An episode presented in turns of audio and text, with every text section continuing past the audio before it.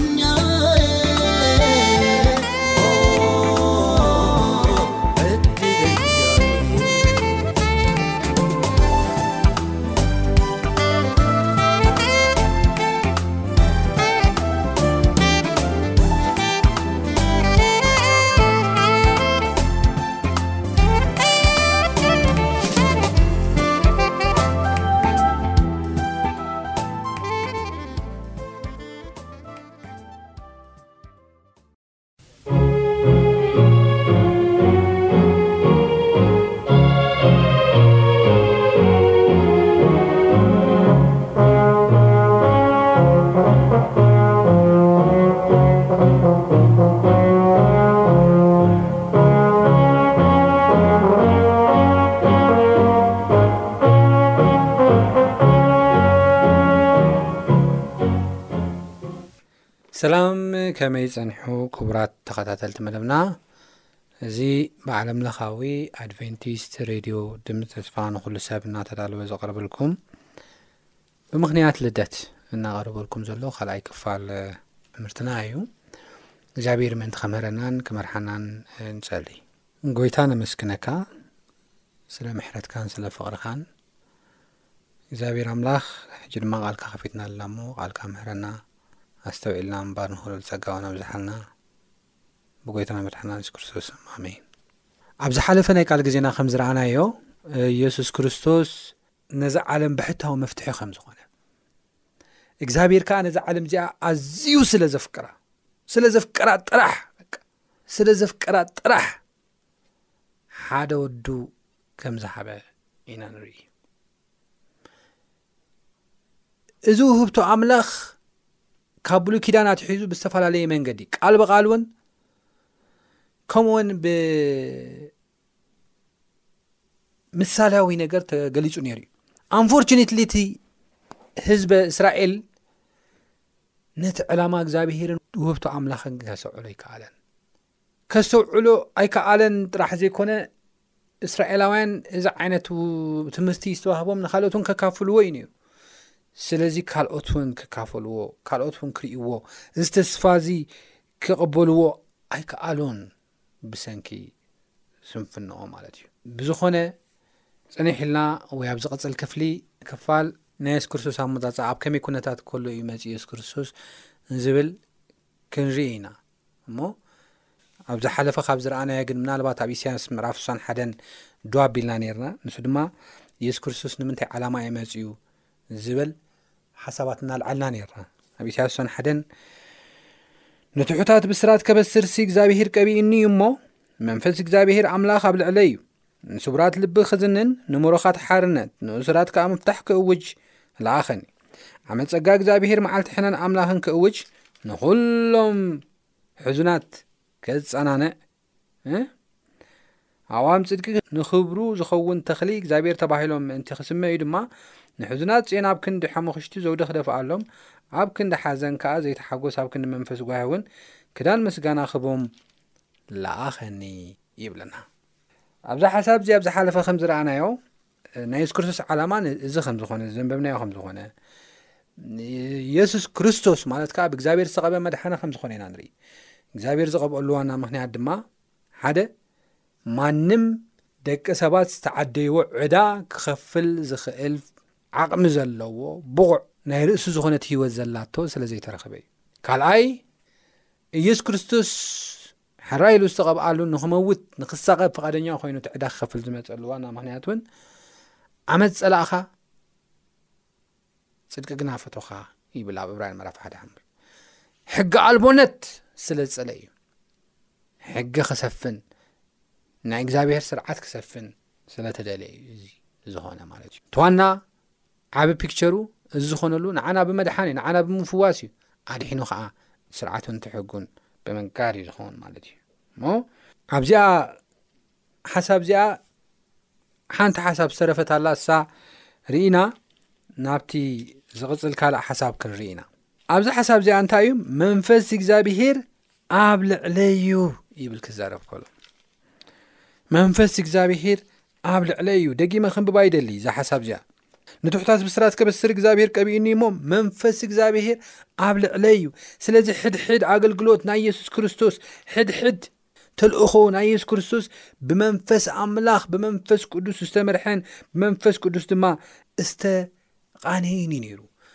ኩሉ ነገሩ ብመንፈስ ቅዱስ እዩ ይጽልውን ነይሩ እዩ ንመንፈስ ቅዱስ ሓይሊ ስለዚ መንፈስ ቅዱስ ሓይሊ እውን እቲ ሚሽን እቲ ተዋህቦ ተልእኾ ክፍፅም ከም ዝኸኣለ ርግፅ እዩ ከቢድ እዩ ነይሩ ኣብ ቅድሚኡ ሞት እዩ ነይሩ ያውም እቲ ናይ መስቀል ሞት እቲ ኣዝዩ ዘሳቒ ናይ መስቀል ሞት እዩ ነይሩ ኣብ ቅድሚ የሱስ ክርስቶስ ነገር ግን ከም ሰብ ፍፁም ሰብ ፍፁም ኣምላኽ ኮይኑ ይመፅ ሕድሕድ ፈተና ከዓ በቲ ሰብእነቱ ወይ ድማ በቲ ሰብኣዊነቱ እዩ ዝሓልፎን ዝቃለሶን ነይሩ ስለዚ ከም ሰብ ኣብ ቅድሚኡ ዘሎ መስቀል ምግዋር ምሕላፍ ምቅላስ ቀሊል ኣይነበረን እዚ ነገር እዚ ዝኾነሉ ግን በቲ ናይ ዘለዓለም መንፈስ ከም ዝኾነ ብመንፈስ ቅዱስ ሓይለ ከም ዝኾነ እዩ ዝነገረና ማለት እዩ እንታይ ብለና ኣብ እብራውያን መስለኩም ኣሁራውያን ምዕራፍ ትሽዓተ ፍቕዲ ዓሰርተ ሰለስተ ዘሎ ሓሳብ ከምዚ ይብል፣ ስለዚ ደም ደቤላታትን ኣራውሕን ሓሙኽሽቲ ኣርሕን ካብቶም ዝተዝረኸሱ ተነጺጉ ንምጽራይ ስጋ ዝቕደስ ካብ ኮነ ደም ክርስቶስ ይብል ብናይ ዘለዓለም መንፈስ ገይሩ ርእሱ ብዘይ ጽያፍ ንኣምላኽ ዘቕረበ ግዳ ንስኻትኩም ንህያው ኣምላኽ ከተገልግሉ ክንደይ ኣዝዩ ንሕልናኹም ካብ ሞት ግብሪ ዘየንጽኦ ደጊመ ከም በልኩም እየ እወ ብናይ ዘልዓለም መንፈስ ገይሩ ርእሱ ብዘይጽያፍ ንኣምላኽ ዘቕረበ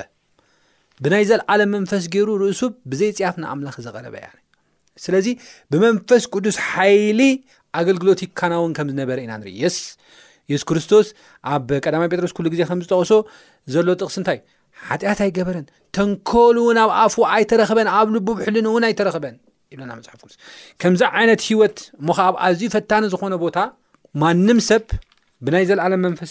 እንተደይ ኮይኑ ብገዛእ ርእሱ ክገብር ኣይክእልን እዩ ብዛዕባ እዚ ክብደት ፈተንኡ ክዛረብ ከሎ ኣብ እብራውያን ምዕራፍ 12 ኣብቲ ዘለናዮ መፅሓፍ ከና ኣብ ነንብበሉ እዋን ከምዚ ይብል ካብ ሓደ ጀሚረ ክንብበልኩም እየ እቲ ዝደልዮ ግን ቁጽሪ ሰለስተ እዩ ዘሎ። ምእንት'ዚ ንሕና ድማ ብክንድዚ ዝኣክል ደመና ተኸቢብና ከሎና ንኹሉ ዝኸብደናን ዝጠብቀናን ሓጢኣት ነርሕቕ በቲ ኣብ ቅድሜና ተሓኒጸልና ዘሎ መቀዳደሚ ብትዕግስቲ ኑጌ ናብቲ ሕፍረት ንዒቑ ሕፍረት ንዒቑ ስለቲ ኣብ ቅድሚኡ ዘሎ ሓጎስ ኢሉ መስቀለ ተዓገሰ። መስቀል ከቢድ እዩ። መስቀል እተዓገሰን ኣብ የማን ኣምላኽ እተቐመጠን ጀማሪ እምነትናን ደምዳሚኣን የሱስ ክርስቶስ ንጠምት ምስ በለ እታ ዝደለያ ቁፅሪ ሰለስተ ሓሳብ ከዓ እንታይ ትብል ምእንቲ ከይትደኽሙን ነፍሳትኩም ከይሕለላን እቲ ካብ ሓጥኣን ኣብ ርእሱ ክንድዚ ዝኣክል ምፅራር እተዓገሰ ዘክርዎ ከቢድ ምፅራር እዩ ነይሩ ከቢድ ፈተና እዩ ሓሊፉ ከቢድ ዝኾነ ነገር እዩ ሓሊፉ እንተኾነ ብዓወት ብዘይፅያፍ ከቕርብ ዝኸኣለ ግን ብናይ መንፈስ እዩ ብናይ መንፈስ ቅዱስ ሓይሊ እዩ ነዚ እዩ ንትሑታት ብስራት ከበስርሲ እግዚኣብሄር ቀቢኡኒ እሞ መንፈስ እግዚኣብሄር ኣብ ልዕለ እዩ ምሳይ እዩ ኢሉ ኣገልግሎቱ ኩሉ ብመንፈስ ቅዱስ ተመል እዩ እቲ ተልእኾ ሙሉእ ብምሉእ ብዕዉት ከከናውኖ ዝኸኣለ ንዓና እውን ናይ ምድሓን መንገዲ ክኾነልና ዝኸኣለ ክብሪ ንስሙ ይኹን ጎይታ የሱስ ክርስቶስ በዚ ዕላማ እዚ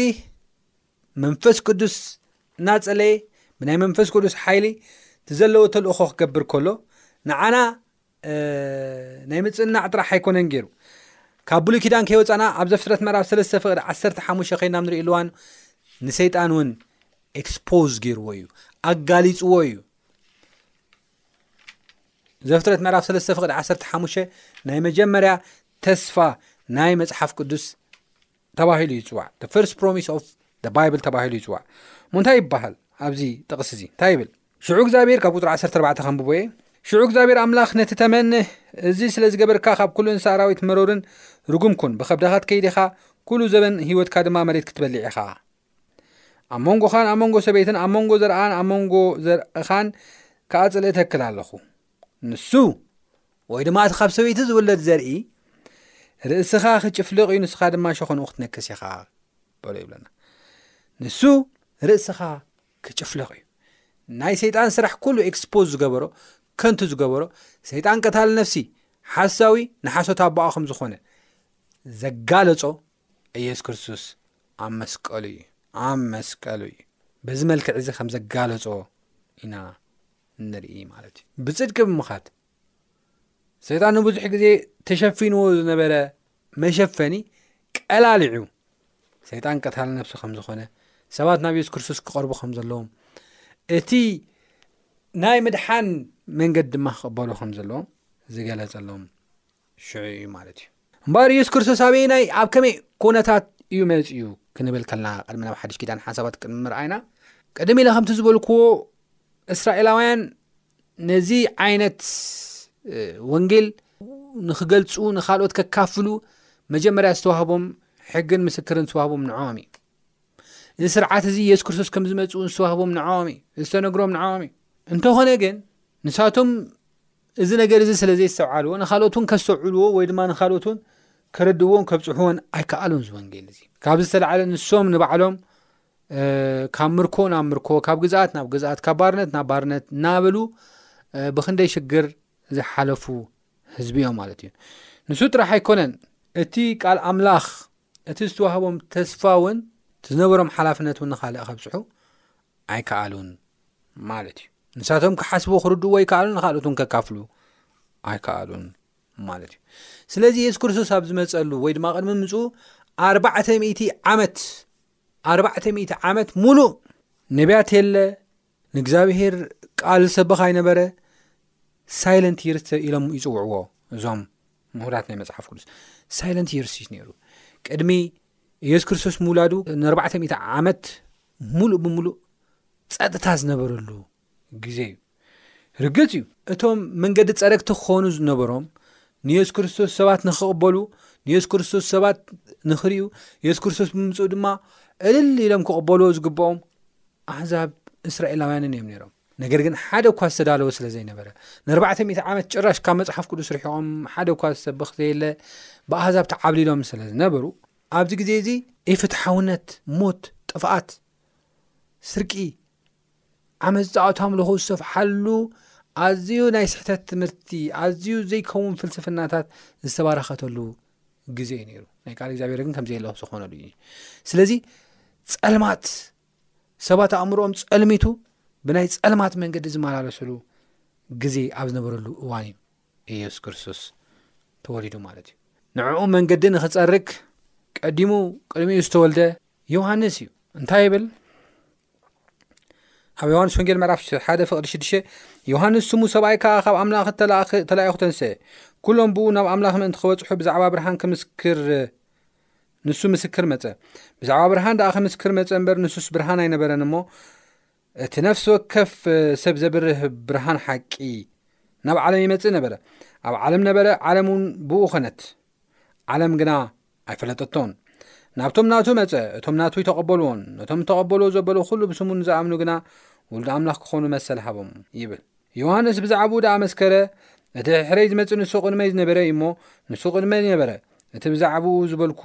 ንሱ እዩ ኢሉ ጨደረ። ሕጊ ሙሴ ተዋሂቡ እዩ እሞ ጸጋን ሓቅን ብየሱስ ክርስቶስ መጸ። እምበኣር ከንሕና ኩላትና ካብ ምልኣቱ ጸጋ ኣብ ልዕሊ ጸጋ ተቐበልና። ሓደ እኳ ንኣምላኽ ዝረኣየ የልቦን፣ ኣብ ሕቝፊ ኣቦኡ ዘሎ ወዱ ንሱ ኣግሃዶ። ኣይሁድ ንስኻ መን ኢኻ?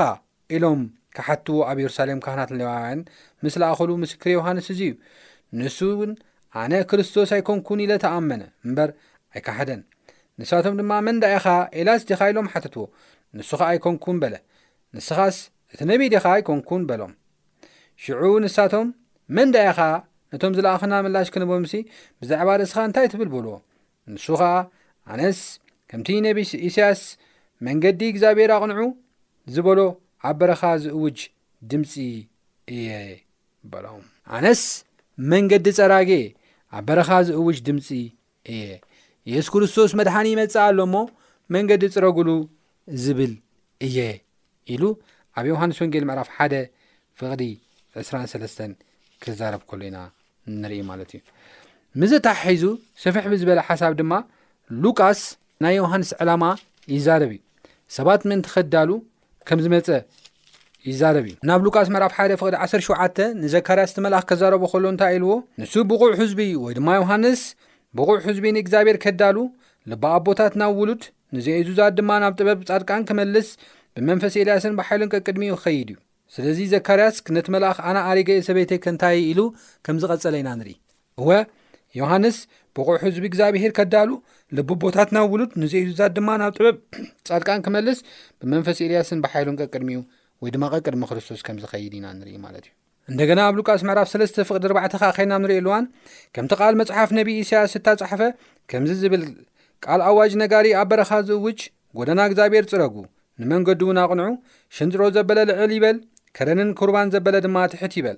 ቄናን ከኣ ያቕናዕ ድንጉር እውን ሰጥ ዝበለ መንገዲ ይኹን ስጋ ዝለበሰ ኩሉ መድሓን ኣምላኽ ክርኢ እዩ ኢሉ ዝሰብኽ ድምፂ ከም ዝኾነ ልኡኽ ከም ዝኾነ ዮሃንስ ከም ዛረብ ኢና ንርኢ እቶም ንሱ ከጥምቖም ዝመፁ ሰባት ድማ ይብሎም ነበረ ኣቶም ውሉድ ተመን ካብቲ ዝመፀ ወጣዓት መልቁቕ መን ከም ሓበረኩም እምበኣር ከን ንስሓ ዝበቅዕ ፍረ ግበሩ እናበለ የጥምቖምን የምህሮምን ከም ዝነበረ ኢና ንርኢ ማለት እዩ ስለዚ ኣብዚ ሓሳብ እዚ እስራኤል እኳ ተደይ ተዳለወ እግዚኣብሔር ግን ዮሃንስ ከም ዝለኣኸ ዮሃንስ ከዓ ብዝተካኣሎ መጠን ነቲ ህዝቢ የዳሉ ከም ዝነበረ ኢና ንርኢ ንየሱ ክርስቶስ ክቐበልዎ የዳሉ ከም ዝነበረ ኢና ንርኢ ርግፅ እዩ ብዙሓት በቲ ናይ ዮሃንስ ጥምቀት ተገሪሞምን ተመሲጦምን እቲ መልእኽቲ እውን ተቐቢሎምዎን እዮም። ነገር ግን እዚ ዝበሃል ለውጢ ግን ኣብ ህይወቶም ክረኣ ኣይከኣለን። ምኽንያቱ ንየሱስ ክርስቶስ ዓብዪ ተልእኾ ክጅምር ከሎ እውን ኣይተቐበልዎን። መልእኽቱ ጽን ኢሎም ክሰምዕዎ ኣይከኣሉን፣ ክስዕብዎ ኣይከኣሉን። ዝተወሰነ ለውጢ መጺኡ እዩ፣ እዚ ዝበሃል ለውጢ ግን ኣይመጸን። ኣእምሮኦም ብሓጢኣትን ብግዝያዊ ጥቕምን በቲ ናይ ግዝያዊ ዝኾነ ስልጣንን ክብርን ብኡ ተጸልሚቱ ከም ዝነበረ፣ ተታሒዙ ከም ዝነበረ ኢና ንርኢ። ብዝኾነ እግዚኣብሄር ከምዚ ገይሩ ነቲ ህዝቢ ከም ዘዳለዎ ኢና ንርኢ ነገር ግን ኢየሱስ ክርስቶስ ክውለድ ከሎ ኢየሱስ ክርስቶስ ናብዛ ምድሪ ናብዛ ዓለም ክመፅእ ከሎ ግን ከይና ንሪኢ ኣለዋን ማንም ዝተቐበሎ ከም ዘየለ ኢና ንርኢ ኣብ መብሊ ዕባል ኣብ ቤትልሄም ከም ዝተወልደ ኢና ንርኢ ቤትልሄም ማለት ክጅመር ከሎ ቤተ እንጀራ ማለት እዩ ብካልእ ኣባህላ ቤት ሊሄም ማለት ብእብራይስ ቤት እንጀራ ማለት እዩ ናይ ህይወት እንጀራ ኣነኤ ዝበለ ጎይታ ህይወት ክበና ሰማያዊ ምግቢ ክበና ኣብ ቤት ልሄም ከም ዝተወልደ ኢና ንርኢ ቤት ልሄም ካብተን ዝነበራት ናይ ኣይሁዳ ከተማታት እታ ዝነኣሰት ከተማ እኳ እንተኾነት ትርጉም ዘለዎ ከተማ ግን ከም ዝነበረት ሽሙ ኢና ንርኢ ማለት እዩ ሓደ እሱ እዩ እቲ ካልኣይ ድማ ከድና ንርእሉ እዋን ካብ ቤትልሄም ድማ ኣብ መብልዕ ማል በደቀሲ ተሳኢኑ ኣብ መብልዕ ማል ከም ዝደቀሱ ማርያም እውን ኣብኡ ከም ዝተገላገለት ኢና ንርኢ ማለት እዩ በዚ መልክዕ እዚ ዓለም ምንም ዋጋ ከም ዘይነበራ ኢና ንርኢ ዳሓር እንደገና እውን ተወሊዱ ምስ ረኣዩ ዝተቐበልዎ እቶም ኣብ ማቴዎስ ከምቲ ዝብለና ማለት እዩ ጓሶትን እቶም ሰብ ጥበብን እንተደይ ኮይኖም ካልኦት ክቕበልዎ ኣይከኣሉን ክርእይዎን ከስዕሉን ኣይከኣሉን እቶም ኣብኡ ዝነበሩ ክምዝገቡ ዝመፁ ኣብ ቤትልሄም እኳ ትኹረት ገይሮም መን እዩ እዚ ኢሎም እኳ ክርድእዎ ኣይከኣሉን ሰብ ጥበብን እግዚኣብሔር ዝገለጸሎም ሰብ ጥበብን ናይ ዓለም መድሃኒት ኣብዚ ምድሪ መፅዩ ማንም ኣይተቐበሎም እቶም ሰብ ጥበብን እቶም ጓሶትን እዮም መፅኦም ተቐቢሎሞ። እዚ ክሳብ ክንደይ ዓለም ኣብ ጽልመት ከም ዝነበረት፣ ክሳብ ክንደይ ካብ ፍቓድ ኣምላኽን ካብ መንገዲ ኣምላኽን ርሒቓ ከም ዝነበረት ዘርእየና ሓሳብ እዩ ማለት እዩ። ጭራሽ ካብዚ ብተጻራሪ ኢየሱስ ክርስቶስ ተወሊዱ ብዙሕ ከይጸንሐ ንጉስ ኣይሁድ ተወሊዱ ዝብል ወረ ሄሮዶስ ምስ ሰምዐ ንኸቕትሎ ይብለና ማቴዎስ ምዕራፍ ክልተ ኸይና ንርኢ ኣለዋ ሓድሽ መንገዲ ከም ጀመረ ኢና ንርኢ ማቴዎስ ምዕራፍ ክልተ ከንብበልኩም ይደሊ ንጉስ ሄሮዶስ ሰሚዑ ሰንበደ ኩላ የሩሳሌም እውን ምስኡ ይብለና ኩሉ የሩሳሌም እውን ሰንቢዱ ንጉስ ሄሮዶስ እውን ሰንቢዱ ምስንባዶም ፅቡቅ ተዝኸውን ፅቡቅ ነይሩ ነገር ግን ንየሱስ ክርስቶስ ንምጥፋእ ነቲ ንዓኦም ምድሓን ዝመፀ ጎይታ ንምጥፋእ ከም ዝሰመሩ ኢና ንርኢ ማለት እዩ ድሓር መልኣኽ እግዚኣብሄር መልኣኽ እግዚኣብሄር ንዮሴፍ ብሕልሚ ተራዮ ይብለና ቁፅሪ 13 ሄሮዶስ ነቲ ህፃን ክቐትሎ ይደሊ ኣሎ እሞ ተንስእ ነቲ ህፃን ነዲኡ ሒዝካ ናብ ግብፂ ህደም በሎ ክሳዕ ዝነግረካ ኣነ ከዓ ውፅናሕ በሎ ተንስኡ ነቲ ህፃን ነዲኡን ሒዙ ብለይቲ ናብ ግብፂ ከደ እቲ እግዚኣብሄር ብነቢይ ንወደይ ካብ ግብጺ ጸዋዕክዎ ዝብሎ ምእንቲ ክፍጸም ድማ ሄሮዶ ክሳዕ ዝሞት ኣብኡ ጸንሐ። ሽዑ ሄሮዶስ ሰብ ጥበብ ከም ዘላግጹሉ ምስ ረኣየ ብዙሕ ኰረየ እሞ፣ ንዅሎም ህጻናት ቤት-ልሄም ኣብ ኵሉ ጐደቦታት ንዝጸንሑ ካብ ሰብ ጥበብ ኣርጊጹ ብዝሓተቶ ዘመን ወዲ ክልተ ዓመትን ካብኡ ንታሕትን ዘለዉ ልኢኹ ኣቕተለ። ሽዑ እቲ ብነብዪ ኤርምያስ ኣብ ራማ ድምጺ እተሰምዐ ዋይዋይታን ብዙሕ ብኽያትን፣ ራሄል ስለ ደቃ በኸየት፣ ብዙሕ በኸየትን። ራሄል ስለ ደቃ በኸየት፣ ተወዲኦም እዮም እሞ፣ ምልባስ ኣቤት ተባህለ ተፈጸመ ይብለና ብዙሕ ደም ብዙሕ ጥፍኣት ከም ዝኾነ ኢና ንርኢ ዓለም ንየሱስ ክርስቶስ ዓለም ነቲ መፍትሒ ክኸውን ዘሎ ሽግራት ኩሉ መፍትሒ ክኸውን ዝመፀ ጎይታ ዝተቐበለቶ በዚ መልክዑ እዩ ማለት ሰይፍ ሒዛ እያ ተቐቢላቶ ዓለም ንክተጥፍኦ ተዓጢቓ እያ ተፀቢያቶ ዓለም ንየሱስ ክርስቶስ ኢየሱስ ክርስቶስ ግን ንዓለም ከድሕን እዩ መጺኡ። ሄሮዶስ ወሲኹ ነቶም ካልኦት ዘይተቐበልዎ ንክቐትልዎ ዝህንደዱ ዝነበሩ ሰባት ንዖም እውን ከድሕን እዩ መጺኡ። እምበኣር ናይ የሱስ ክርስቶስ ልደት ከምዚ እዩ። ናይ የሱስ ክርስቶስ ፍቕሪ ዓብዪ እዩ። ናይ እግዚኣብሔር ፍቕሪ ዓብዪ እዩ። ክብሩን ስልጣኑን ገዲፉ ዝመፀ ንዓና ንምድሓን እዩ ማለት እዩ። ስለዚ ክቡራት ተኸታተልትና ፍቕሪ እግዚኣብሔር ርኢና ፍቕሪ እግዚኣብሔር ኣስታውዒልና ምንባር ክንክእል፣ ከም ፍቓዱ ድማ ክነመላለስ። ልደቱ ኣስታዊስና ሕጂ እውን የሱስ ክርስቶስ ዳግም ክምለስ እዩ። ክምለስ እዩ እንደገና። ተዳሊና ክንጽበዮ፣ ነቶም ብኡ ዝኣምኑ ናይ ዘላለም ህይወት ክህቦም። ዓይኒ ዘይረኣዮ እዝኒ ዘይሰምዖ ኣብ ልቢ ሰብ ዘይተሓስበ ንክህቦም ሎሚ እውን የሱስ ክርስቶስ እንደገና ክመጽእ እዩ። ኢሉ እዩ ልብኹም ኣይሸበር ብኣምላኽ እመኑ ብኣይ እመኑ ስፍራ ክዳልወልኩም እኸይድ ኣለኹ ስፍራ መሰዳለኽልኩም እንደገና ተመሊሰ ክመፅእ ኢሉ እዩ ከምቲ ናይ ብዝሓለፈ ግን ኣይኮነን ኣብ ቤት ልሂማ መብልዒ ማል ተወሊዱ ኣይኮነን ብክብሪ ነጊሱ እዩ ክመፅእ ምስ እልፋ ኣላፋት መላእኽቲ እዩ ክመፅእ እሞ ክንፅበዮ ተዳሊና ከም ፍቓዱ ተዳሊና ቃሉ እናንበብና ግዜያቱን እዋናቱን ኣስተውዒልና ተዳሊና ከም ፍቓዱን ተሓላፍነትና ንካልኦት እናበሰርና ክንፅበዮ ይግባእ እዩ ማለት እዩ እዚ ክንገብር እምበኣር እግዚኣብሔር ፀጉ የብዝሓልና ኣብ ዝቕፅል